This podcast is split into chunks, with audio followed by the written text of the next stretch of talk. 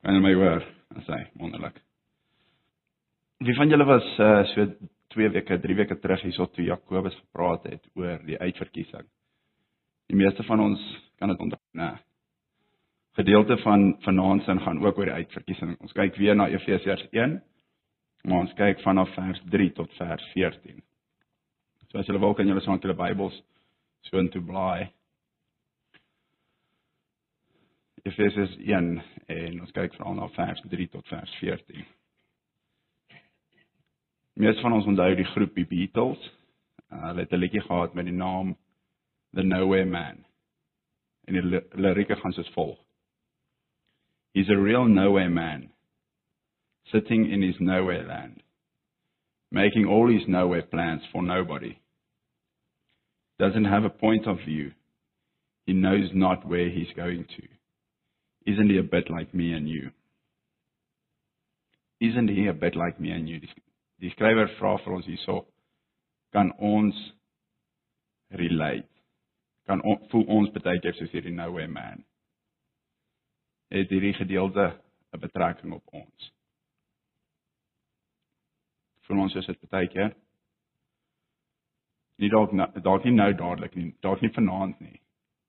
Maar vroeër hierdie week as mense het ons mos maar die die neiging om om raak gesien te word. Ons wil hê mense moet weet ons is daar. Ons wil hê mense moet vir ons dankie sê as ons iets doen. Ons ons wil voel dat dit vir ons nodig is om daar te wees. Dat mense ons nodig het. Het sy dit by die kerk vir die is ons wil hê mense moet voel ons hulle het ons nodig of by ons werk by ons huis waar ons ook al is. Dit is 'n menslike gewoonte om daai gevoel te hê van mense kan nie sonder my klaarkom nie of ek dien 'n doel hierso of daar waar ek ook al is. Wat sê Paulus hieroor? Ons gaan nou die gedeelte lees. Net 'n bietjie agtergrond. Dit is die jaar 60. Ehm um, die stad is Efesië, finansiële sterk stad. Uh, Paulus was vroeër daar gewees en hy skryf vir die Christene hierdie brief. Ons lees in Handelinge 19 dat baie afgoderry was in hierdie in hierdie stad en baie towery. En dan later die, uh, die man met die naam Demetrius het wat 'n silversmid was, hy standbeelde gemaak, afgode gemaak. Hy was nie te opgewonde oor hierdie nuwe godsdiens Christen wees wat nou begin het nie. Dit is omtrent so 30 jaar na Christus se dood, so dis nog 'n jong godsdiens. Die rede hoekom hierdie silversmid nie van Paulus hou nie en ook nie sy disippels of die manne wat saam met hom werk nie, is omdat hierdie mense wat na Jesus toe kom kom agter dat hulle nie meer afgode kan dien nie en dan gee hulle nie meer vir Demetrius en die manne wat saam met hom werk werk om te doen nie of geld nie.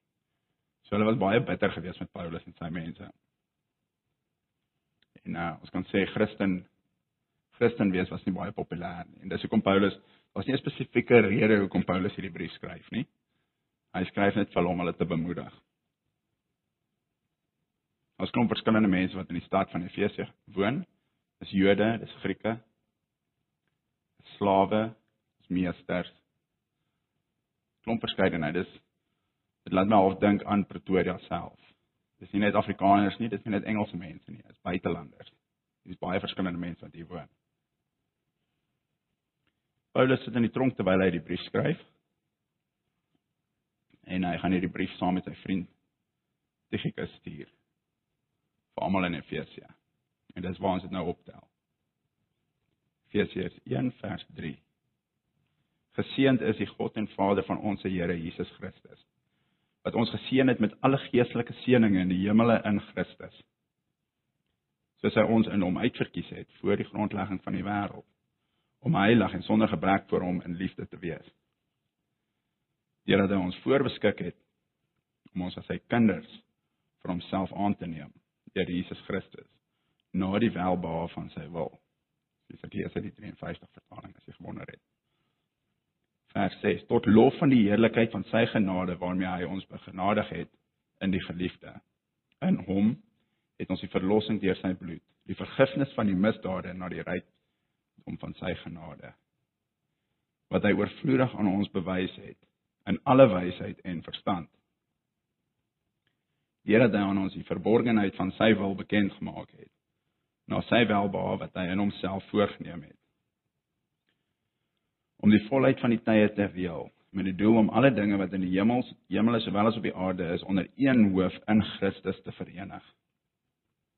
In hom in wie ons ook 'n erfdeel ontvang het nadat ons van tevore daartoe verordeneer is ooreenkomstig die voorneme van hom wat alles werk volgens die raad van sy wil sodat ons kan wees tot lof van sy heerlikheid ons wat reeds tevore op Christus gehoop het in wie julle ook nadat julle die woord van die waarheid die evangelie van julle redding gehoor het in wie julle nadat julle ook geglo het verseël is met hierdie Heilige Gees van die belofte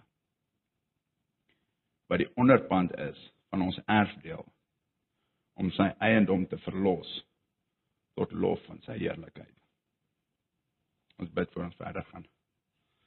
Here ons dankie vir die woord en ons dankie dat ons nou daarna kan kyk. Ons bid en vra dat U ons harte sal oopmaak. Ons bid en vra dat U ons gedagtes sal gevange neem en dat ons regtig waar meer van U sal leer. Dankie dat ons na hierdie gedeelte kan kyk. Ons bid en vra Here dat U ons sal geestelik opbou vanaand. Help ons om die woord te verstaan en te doen wat die woord vir ons sê. Asseblief, Here. Amen soos julle dalk weet, die vanaand se tema gaan oor die drie eenigheid se doel of se werke. Verskillende werke in ons reddingsverhaal. Hierdie deel wat ons nou net gelees het, hierdie 12 verse is die inleiding tot die brief wat Paulus vir die Efesiërs skryf. So hierdie sin, 12 verse in die Grieks is dit een sin. Dit is half die eerste gedagte wat hierdie mense in die kerk in Efesië ont gaan ontvang van van Paulus. Hy wil hê hulle of of ons moet weet wie God is.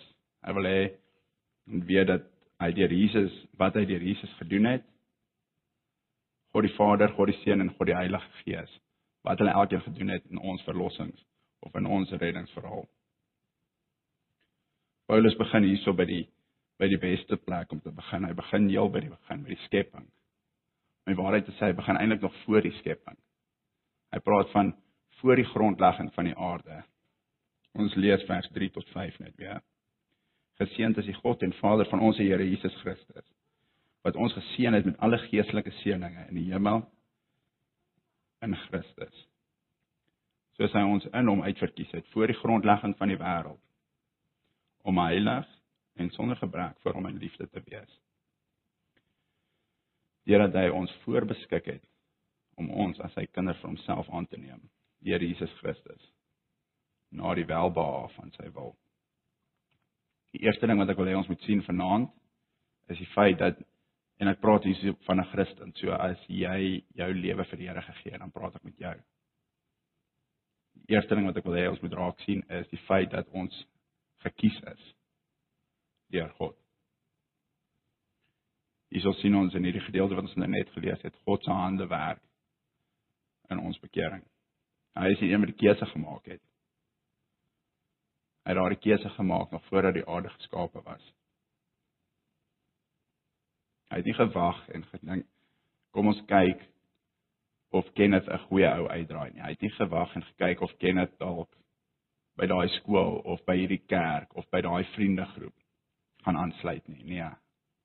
God het ons uitgekies nog voor die grondlegging van die aarde. Hoekom het hy ons uitgekies? Hoekom het hy ons gekies? Dis 'n vraag wat ons net gaan beantwoord. Ons kyk bietjie meer na hierdie wonderlike waarheid, die feit dat God ons gekies het. Die feit dat dit gebeur het voor die grondlegging van die aarde. Voordat ons in die prentjie was, het God ons uitgekies. Wat wat sê dit vir ons? Dit sê vir ons dat dit slegs uit genade dan is wat ons gered is. hoofstuk 2 vers 8 lees ons want uit genade is jy gered deur die geloof. En dit nie uit jouself nie, dit is 'n gawe van God. Hoe weet ons dit? Ons het nou net gelees in vers 4. Dit is voor die grondlegging van die aarde. Ons was nie daar nie. Ons kon nie eers 'n keuse gemaak het nie. Dit is 'n keuse wat God gemaak het. Dis nie iets vir ons wat ons oor kan trots wees nie. Dit is nie iets om ons bors te slaan en te sê die Here het my uitgekies nie. Wat ons reaksie moet wees is dankbaarheid. Ons moet vir Here sê dankie Here dat U my gekies het. Ons moet dankbaar wees. Ons moet Here, ek weet nie hoekom nie, maar dankie dat U my gekies het. Dit moet ons reaksie wees.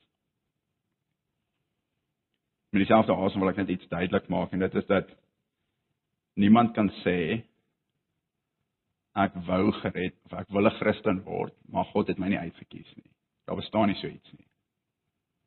God kies ons uit en hy plaas daai daai begeerte in ons hart om 'n Christen te wees. So as jy daai begeerte het om 'n Christen te word, dan beteken dit God het jou uitgekies. Dis nie wonderlik nie. Handelinge 2 vers 21 en Romeine 10 vers 13 sê dieselfde ding en en is dit dat almal wat die Here aanroep, almal wat die Here aanroep, sal gered word. Ook in Matteus 11 vers 23 sê Jesus deur die oop uitnodiging, hy sê kom na my toe. En ek sê red. Ek sal jou rus gee. So by einde van die dag kan ons sê as jy werklik waar 'n kind van God wil wees, as jy nie is nie en jy wil werklik waar een wees, dan kan jy. Die ding is jy's klaar uitverkies dan. Ek gaan nie maar aangaan oor hierdie punt nie, soos ek agterkom. Die meeste van ons was hier so gewees 3 weke terug toe Jakobus gepraat het oor uitverkiesing. Ek dink ons gaan aanbeweeg na die volgende punt toe. So ons nou gesien dat God die Vader se werk is in ons in ons reddingsverhaal. God die Vader is een wat ons gekies het voordat hy die aarde geskaap het. En dis kan ons nie sê dat ons enigstens 'n deel daarin het nie. Dit is totaal en al absoluut sy werk. Die volgende vraag, die tweede vraag wat ons gaan vra is: Hoe is dit dat ons sy kinders word? So, okay, God het ons gekies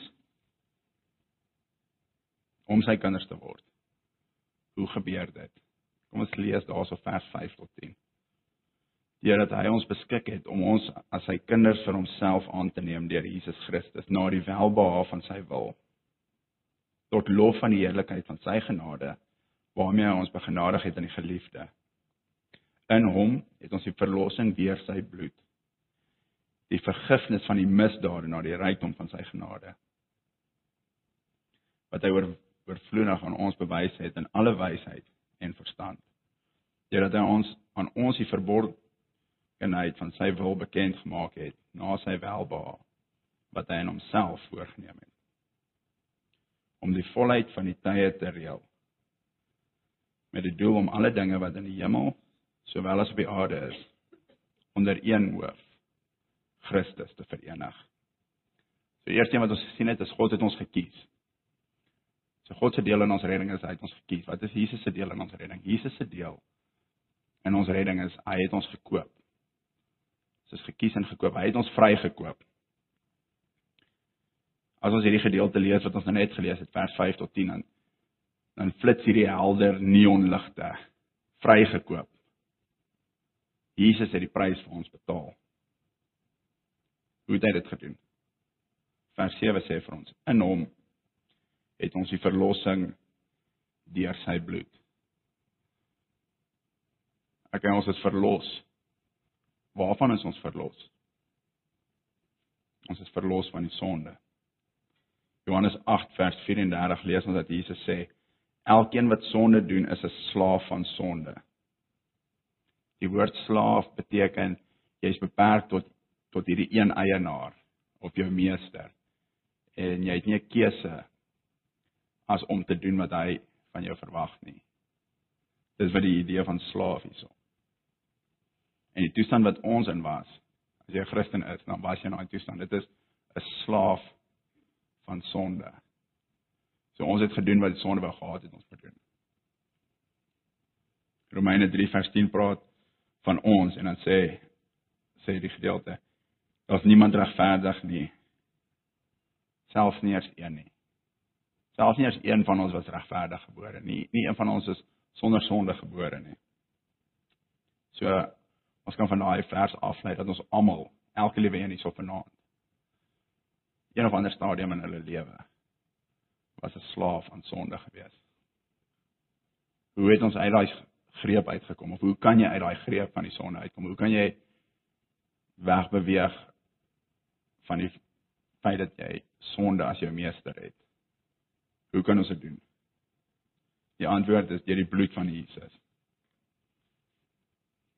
1 Petrus 1 vers 18 en 19 sê Julle weet dat julle nie deur verganklike dinge, silwer of goud losgekoop is uit julle ydelle lewenswandel wat deur die Vaders oorgelewer is nie, maar deur die kosbare bloed van Christus, soos van 'n lam sonder gebrek en vlekkeloos, wat wel vooruitgeken is voor die grondlegging van die wêreld.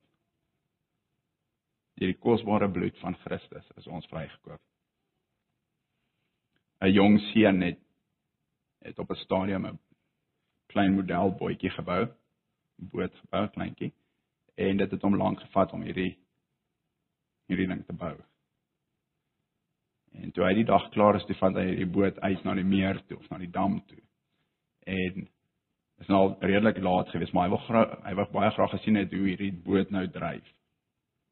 Hierdie ding wat hy nou gebou het. En hy sit dit op die water en hy's baie gelukkig hy sien hoe die hoe die bootjie nou hierso aanvaar en hy stap langs die boot en die volgende oomblik kom maar 'n rukwind. Die rukwind van daai boot van hom af weg. Hy gaan in die middel van die meer. En hierdie seun hardloop hier langs die meer en hy hy kyk na die boot, hy kan hom sien en hardloop om en toe by die ander kant kom te sien hy nie meer die boot nie. En hy soek toe daarso en hy hy kyk of hy dalk hierdie boot ergens kry daar tussen die klippe. Draak toe laat en hy moet huis toe gaan hy die volgende dag terug gegaan en gaan soek. 'n Week of wat later, toe gaan hy saam sy pa dorp toe en in hierdie winkelfenster sien hy daai boot wat hy gebou het. Hy herken dit sommer dadelik en hy raak opgewonde en hy gaan na die winkel eienaar toe en hy sê: "My boot wat in die venster is, ek het hom gemaak. Kan ek hom kry?" Die winkel eienaar sê vir hom: "As jy daai prys vir my betaal wat op daai stikertjie is wat op hom geplak is, ek kan jou omvat. So toe die seun na huis toe gaan het, al sy spaargeld gevat en ons 'n paar dingetjies verkoop en al hierdie geld bymekaar gekry om daai boot te gaan koop. En ons in die winkel aangekom en hy het vir die eienaar van die winkel die geld gegee. Die eienaar het vir hom die boot gegee. En soos wat hy uitgestap het uit daai winkel uit, het hy boot in sy hande vasgehou en hy het gekyk en hardop gesê: "Jy is nou twee keer myne." Hy sê eers het ek jou gemaak en nou het ek jou gekoop. Jy is twee keer myne. Ons as Christene as 'n Christen vanaand kan ons sê ek is dubbel Jesus se. God die Vader het my geskape. God die Seun het my kom koop met sy bloed. Nou kom ons by die die laaste vraag wat ons op die tafel gaan sê en dit is wat ons op die tafel gaan sit en sê hoe weet ons dat ons vrygekoop is? In ander woorde, wat is die bewys van ons vrykoping? Hoe kan ons sê okay, Jesus het ons vrygekoop, maar hoe weet ons dit? Hoe weet ons dat ons nou gered is? As ons kyk na die laaste gedeelte vers 11 tot vers 14 in hom en wie ons ook 'n erfdeel ontvang het nadat ons van tevore daartoe verordeneer is ooreenkomstig die voorneme van hom wat alles werk volgens die raad van sy wil. Sodat ons kan wees tot lof van sy heerlikheid.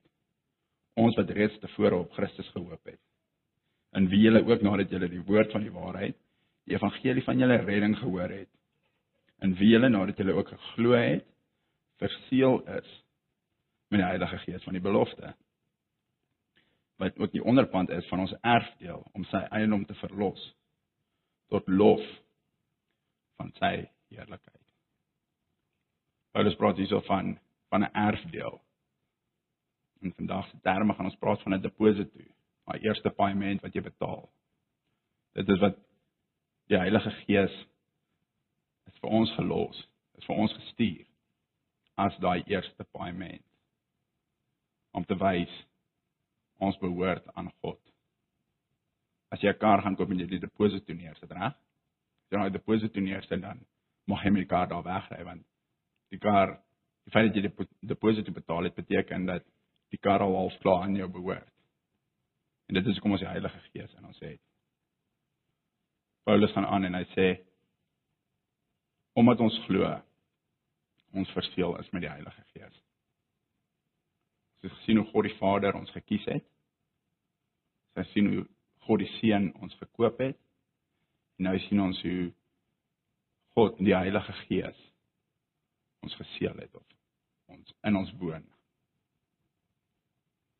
Al drie persone van die drie eenigheid God die Vader, God die Seun en God die Heilige Gees is betrokke in elke liewe persoon se bekering.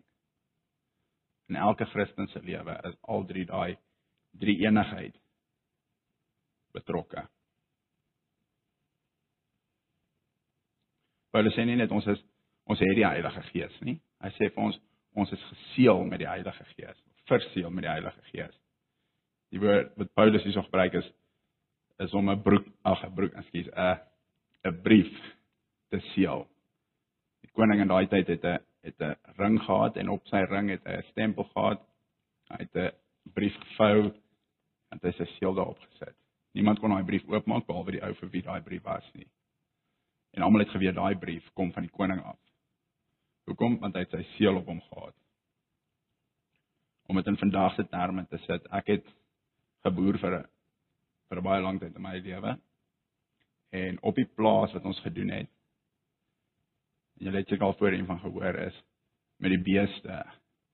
Die beeste gebrandmerk. 'n beeste brandmerk is een van twee maniere of met ys of met kolle. Dit is of 'n baie warm of 'n baie koue yster met voorletters van iemand se naam en van. So as dit Kobus dan sou dit CC gewees het, Kobus Kutsia.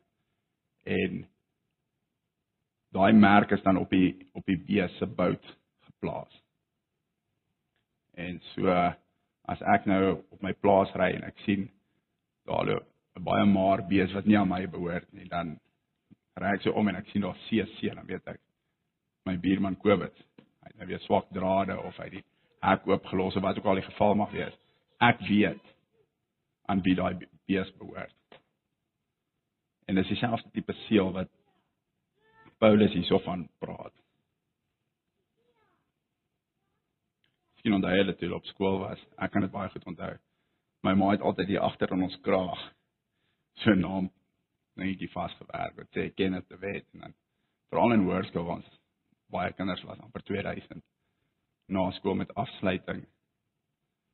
Aan die onderwyser Kenneth de Wet kom asseblief jou trei hoe daai onderwyser geweet, hy het geweet want daar's 'n merk op daai trei. My naam staan op daai trei. En dit is die Heilige Gees se doel in ons lewe. Is om ons te merk. Om ons te seël. Om te wys dat ons aan God behoort. Wat beteken dit vir ons? Goed en wel, ons is geseël met die Heilige Gees. Ons dra die naam op ons, maar wat beteken dit vir ons? Johannes 15 vers 26 sê Jesus Maar as die trooster gekom het en die trooster hier is die Heilige Gees wat ek vir julle van die Vader sal stuur, die Gees van die waarheid wat van die Vader uitgaan, sal hy van my getuig. Die doel van die Heilige Gees in ons lewens. Jesus het dit self ons gesê. Dat die Heilige Gees deur ons lewens kan getuig van God. Vanaand terug te kom na die Beatles se liedjie van die Nowhere Man. Hierdie man wat daar sit en en nie weet aan wie hy behoort nie. Hy weet nie waartoe hy gaan nie. Hy weet nie waar hy vandaan kom nie. Hy het nie hy weet nie wat aangaan nie. En dis hoe hy daai woorde skryf. Hy weet nie hoekom hy hier op die aarde is nie. Vir ons is haar antwoord. Ons weet as jy 'n Christen is, hierso vanaand weet jy hoekom jy hier is. Doel waarom ons gered is. Doel waarom die rede waarom God ons gekies het. Jesus ons gekoop het en die Heilige Gees ons geseël het. Is een rede. En dit is om God te verheerlik. Dis nie iets wat ek uit my duim uitsuig nie. Dis nie iets wat ek opmaak nie. Kyk saam met my vers 6. Sê tot lof van die heerlikheid van sy genade. Vers 12. Sodat ons kan wees tot lof van sy heerlikheid. Vers 14. Tot lof van sy heerlikheid. Hoekom is ons gered? Nie net om 'n lekker lewe te hê of om hemel toe te kan gaan nie. Ons is gered sodat ons nou nou hier waar ons is by jou werk, by jou huis, by die kerk God kan verheerlik. Om God groot te maak. Hoe lyk dit prakties? Dit is maklik om iets te sê, okay, ons gaan God se naam groot maak. Ons gaan hom verheerlik. Wat beteken dit? Dit beteken jy plaas God eerste in jou lewe. Dit beteken jy spandeer die meeste van jou tyd, energie, geld spandeer dit vir God. Dit beteken jy is nie skaam om vir jou vriende of jou werkvernote te sê van hierdie wonderlike werk wat wat God drie enig in jou lewe gedoen het nie. Die Heilige Gees is sigbaar soos daai stempel op die bees. Mense kan dit sien. So as jy 'n lewe gaan lewe vir God, vir Christus. As jy die naam Christen gaan dra, moet ons onthou dat mense dit sien. Ons self weet nie altyd daarvan nie, maar mense sien daai naam Christen wat ons dra. Dit wat ons uitleef dit sê baie. So waar ons is elke dag by die werk, by die huis, tussen vriende. Wat moet ons doen? Ons moet God se naam groot maak. Ons moet God verheerlik. John Piper stel dit baie mooi as hy sê ons moet in ons lewens moet ons of deur ons lewens ons lewe moet dien nie as 'n mikroskoop nie, maar as 'n teleskoop. Hy sê nie 'n mikroskoop nie, want mense moet nie na ons kyk en dan sien, "O, okay, so jy verheerlik God. God is hierdie klein persoon dat jy 'n mikroskoop nodig het om hom te sien." God is groot. Ons kan God nie groter maak as wat hy is nie. En dit is hoekom om ons lewe te lewe soos 'n teleskoop teleskoop vergroot ook soos 'n mikroskoop, maar hy doen dit op 'n ander manier. Hy vat iets wat groot is en wys vir ons dat ons dit met die oog kan sien.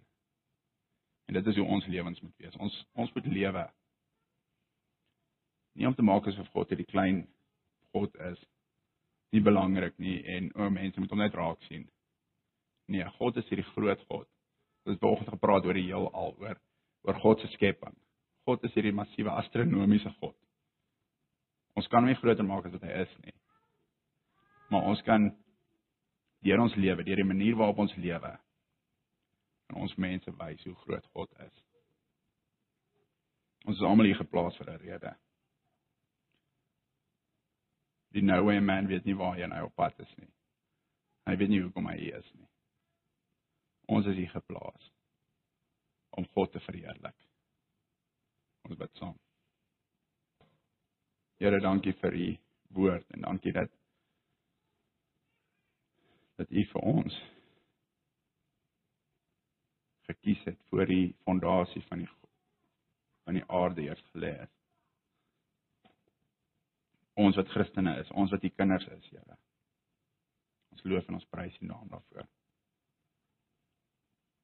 Jesus, dankie dat u ons vrygekoop het deur die bloed. Dat u aarde toe gekom het, u wat God is sodat deur die kruis ons 'n verhouding met U kan hê. ons in die familie in opgeneem kan word. Deel kan wees van U. Heilige Gees, dankie dat U ons seën verseël in ons lewens. O Here, gebruik asseblief ons lewens vir die doel waarvoor U ons geskaap het. Help ons om waar ons ook al is, elke dag van ons lewe, elke minuut van elke dag om U naam groot te maak, om U te verheerlik. Asseblief, Here. Ons bid en ons vra dit in Jesus se naam. Amen.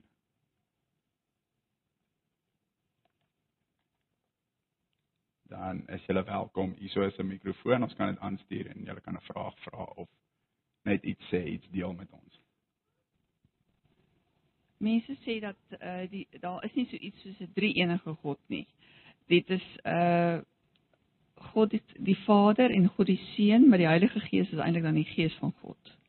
En uh hulle sê ook die woord drie enig word nou nêrens in die Bybel gebruik nie. Ons as Christene weet natuurlik dat dit nou nie so is nie en dat uh dat die Heilige Gees definitief 'n persoon is, maar hoe kan 'n mens dit vir so iemand verduidelik? OK, ehm um, ons het omtrent so 1000 jaar nodig om 'n antwoord vir daai vraag te kry.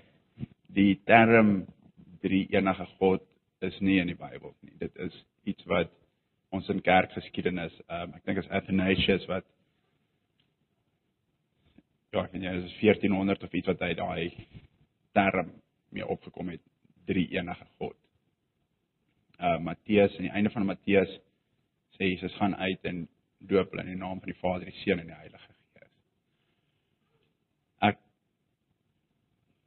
ons het 'n klas gehad by die college en ons een wel, dit is meer as een periode, dit was omtrent 'n dag lank wat ons gespook het met hierdie drie eenigheid hoe kan God 3 wees en en selfsitheid 1 wees? Hoe kan ons dit verstaan? En al wat ek kan sê is dis wat God vir ons geopenbaar het deur sy woord, dis al wat ons mee sit. Ons moet niks buite sy woord gaan soek. Gaan soek nie. So Hoe verduidelik jy dit vir iemand? Ek weet nie. Jy lees saam met iemand Bybel en ons moenie die werk van die Heilige Gees probeer doen nie. So ons moenie ons moenie die ons kan die Bybel vir mense lees, ons kan die Bybel met mense deel. Ons kan met hulle deel wat ons verstaan. Maar die werk van die Heilige Gees is om in ons lewens in ons harte te werk terwyl ons die woord van God lees sodat ons dit kan verstaan. So ek kan sê daar is 'n doel vir die Heilige Gees is soos ons gesien het in ons bekering. En met die Heilige Gees dink ek as hy in ons lewens is, help hy ons om die drie eenigheid genoeg te verstaan dat ons kan sê ek glo in die drie enige God. Ek weet dat God Vader, Seun en Heilige Gees is en gedeeltes in weet in Galasiërs en ook Matteus 28 wat ek vroeër gesê het waar Jesus self met ons gedeel het van Vader, Seun en Heilige Gees in Handelinge 2 waar waar die trooster gestuur is. Wat Jesus aan in Johannes vir ons gesê het hy gaan dit doen. Um, ek dink ons mag gaan met wat ons het in die Bybel. Ek dink is genoeg. Ek dink is ons kennis ons ons kan dit nie optimaal verstaan nie. Ehm um, daar is nie 'n illustrasie Daar is nie 'n verduideliking om te sê God is 3, God is 1 en dis ons dit verduidelik nie. Ek weet ek dink nie dit antwoord die vraag nie, maar miskien het iemand anders iets om te sê daaroor. Ok, ons het jy's hierdie afgelope week in ons ehm uh, oordenking by die werk oor hierdie oor hierdie onderwerp gepraat oor die persoon van die Heilige Gees. Ek het nou ongelukkig nie die Bybel by my waak en alsin gemerk het nie, maar die ou sê die die Heilige Gees is 'n persoon want hy hy het gevoelens. ons kan hom bedroef. Ehm um, hy hy leer ons. Hy hy doen dinge wat 'n persoon doen. En uh ek dink as ou daai dit is 'n hele klomp skrifgedeeltes wat hy aanhaal uit die Ou Testament sowel as Nuwe Testament wat wat hy vir ons daai goed gee. So ek sal ehm um, dink ek sal dit vir Maritjie stuur en dan sy dan sy dit gebruik of vir almal wat hier is as dit wil hê. Want dit is nogal vir my was dit 'n uh, uh, Engels sê eye opener. Net om te sien dat die Heilige Gees werklik 'n persoon is soos wat Jesus die seun van God 'n persoon is soos wat God die Vader 'n persoon is. Ehm um, hy is nie hy's nie anders as die ander twee nie. As jy verstaan want God is ook Gees as ons die skrif lees. Van die drie eenheid was dit net Jesus wat mens geword het. Maar God die Vader en God die Gees het nooit mens geword nie. So ja. Ek hoop dit help jou maar. Ja, miskien kan jy aan aansteem met die pos of so. Weet jy kennis, dit is nogal 'n baie moeilike vraag hierdie wat baie dikwels in 'n mens gedagte opkom en, en dan wonder 'n mens oor hierdie dinge. Maar weet jy wat, ek het nou die afgelope tyd na aanleiding van wat in Hebreërs staan dat uh, ek het dit nou hierso, ek het net kry. In Hebreërs staan hy wat die afskynsel van sy heerlikheid en die afdruksel van sy wese uh en alle ja, net daai gedeelte. Uh hy wat die afskynsel is van die heerlikheid en die afdruksel van sy wese, dan praat ons hier van die Here Jesus wat God die Vader kom vertoon het. So dit wat ons in Jesus sien, dis God. Dit is soos die Vader is. Dit is 'n afdruksel. Presies dieselfde. Daar's nie 'n verandering nie. En dan lees 'n mens ook hierso in Johannes dat uh, die Here Jesus sê vir sy disippels, uh, ek sal die trooster na julle stuur. En dan praat hy van die Heilige Gees as hy praat van die trooster. Maar dan sê hy ook hierso in die aan die einde van Matteus dink ek en ek sal met ek sê die Here Jesus vir hulle ek sal met julle wees tot aan die volëinding van die aarde. So met ander woorde, ehm um, as as hy sê ek sal met julle wees en hy sê ek sal die trooster stuur wat by julle sal wees, dan lyk dit vir my die die trooster en die Here Jesus, die trooster is amper hoewel dit nie daar staan nie, is amper ook die afdruksel van die Here Jesus. Wat so dieselfde is dat hy kan sê ek is met julle en ek sal die trooster stuur. En uh, hy kon net sowel hier in Hebreërs gesê het en ek is die afdruksel van die Vader. So dit lyk vir my as 'n mens ek het dit vir myself persoonlik so uitgemaak dat God as as as 'n um, as 'n persoon het die drie maar al drie is so dieselfde daar is die, die hoewel hulle drie persone is hulle so eners dat jy as jy as jy van God praat jy net sowel van Jesus praat jy net sowel van Heilige Gees praat so dieselfde is hulle en dit is soos ek my die drie eenheid vir myself uitgemaak het maar dit is nou in elk geval 'n baie moeilike saak wat ek dink 'n mens maar net moet aanneem dat daar drie persone in die godheid is. Ja, baie dankie tannie dit.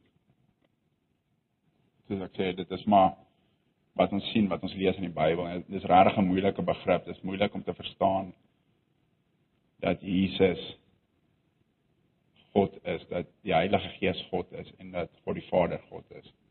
Dat hulle as een kan optree en as dat hulle individueel ook kan optree of hulle kan nie sonder mekaar optree nie, maar hulle kan dis kenmerk en dat dit die Heilige Gees se werk is hierdie of dat dit God die Vader se werk is of God die Seun. So ja, baie dankie. Dit was kan nogal uitsien soos wat ons nou deur die boek van Johannes werk. Jakobus is in die oggende, sonnaandoggende besig om met ons te kyk.